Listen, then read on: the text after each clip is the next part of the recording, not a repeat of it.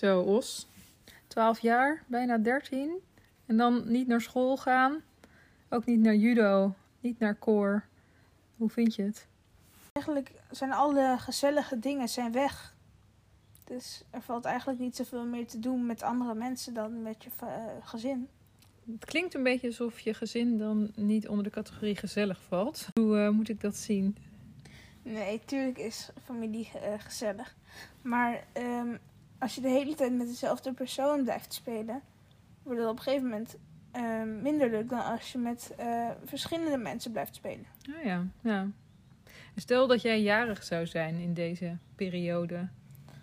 Ja, ik denk. Ja, je kan natuurlijk geen mensen uitnodigen. Dus dan zou ik een grote videocall doen. En dan met eh, al mijn vrienden videogames gaan spelen. Want dan hoef je ook niet, zeg maar, ehm, op te letten over hoeveel mensen je uitnodigt. Oh, je hebt gewoon geen limiet. Ja. Dat is waar. Corona vind ik erg saai.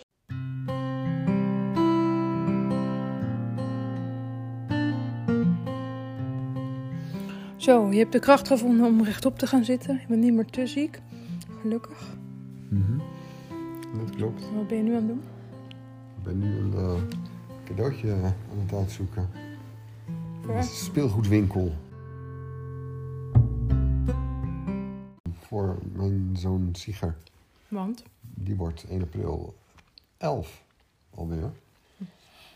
En, eh, Alweer? Het is toch voor de eerste keer dat hij elf wordt? Inderdaad. Hij heeft dus in het eh, Lego-boekje op de pagina eh, The Hidden Side alle sets aangekruist.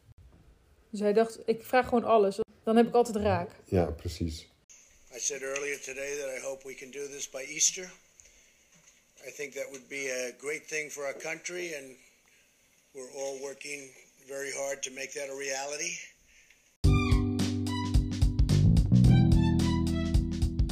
De paranormale interceptiebus en het kerkhofmysterie. Maar ook de aanval op het garnalententje en de schipbreuk met de garnalenboot. De aanval op het garnalententje. De aanval op de garnalentent, wat ook grappig zou zijn. Maar dan ook nog de aanval op, Op het, garnalententje. garnalententje. Ja. Het is een te gekke culinaire spokenjacht gecombineerd met augmented reality voor een unieke speelervaring. Kunnen we niet met z'n allen op de boulevard gewoon heel hard op een garnalententje afrennen? Gratis.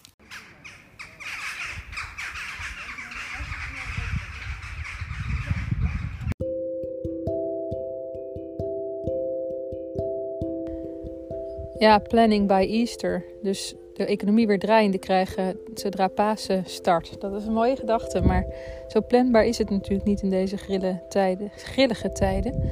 En ehm, ik zei tegen Pieter, wat een onnozele uitspraak eigenlijk. En toen bleven we haken achter het woord onnozel. En toen hebben we even de Bijbel erbij gepakt, ons eh, etymologisch woordenboek. En wat, eh, wie, wie schetst mijn verbazing? Want dat is ook iets, niet wat schetst mijn verbazing, maar wie schetst mijn verbazing? Ehm, onnozel betekent, eigenlijk nozel als het woord op zichzelf bestaat ook. Dat gebruiken we helemaal nooit, maar dat betekent onschuldig.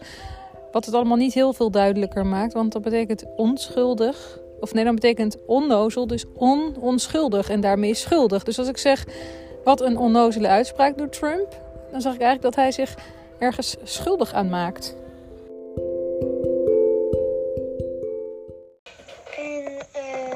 soms mis ik wel iedereen, want ik mag niet naar iedereen toe.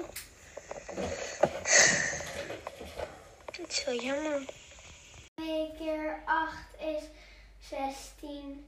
3 keer 8 is 24. 4 keer 8 is um, 2 en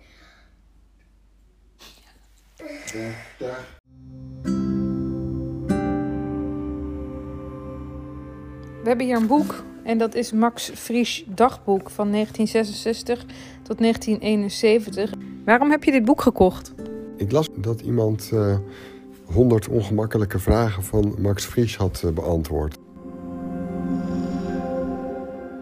Dat intrigeerde me wel van ja, die 100 vragen. Wat waren dat dan voor vragen en waar kwam dat vandaan? En toen heb ik dat uitgezocht.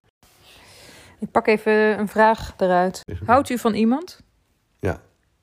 Waar maakt u dat uit op?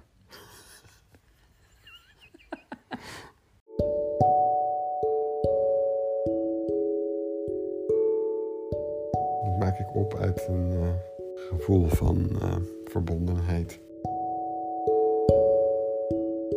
het moment dat het, dat het heel moeilijk gaat en daar verdrietig over ben, dan zou ik er niet verdrietig over zijn. Oké, ik heb hier iets grappigs. Liefdesgedicht door J. Bernlef. Een door jou bereide jachtschotel smaakt mij beter dan deze in dit restaurant. Gesteld dat beide jachtschotels even voortreffelijk waren.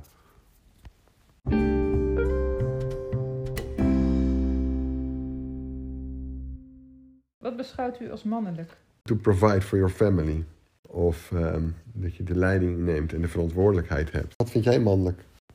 Ehm, wat- ja, iets van eh, lichamelijke sterkte wel. En besluitvaardigheid.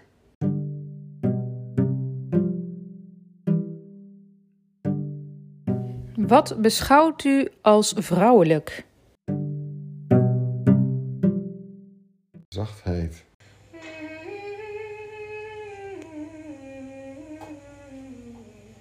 En jij? Ploeteren. Ploeteren. Ja. Zie eigenlijk alle vrouwen ploeteren. Alle vrouwen in mijn leven. Ja, leuk. Dankjewel. Alsjeblieft. Oké, succes. Doei. Push je mouw. Ja, mouw. Hoe schrijf je dat? Ik geloof de osjes aan. Nee, Atje. De mouw van je trui. Hoe schrijf je dan mouw? Mm, dan schrijf je mouw met de osjes aan.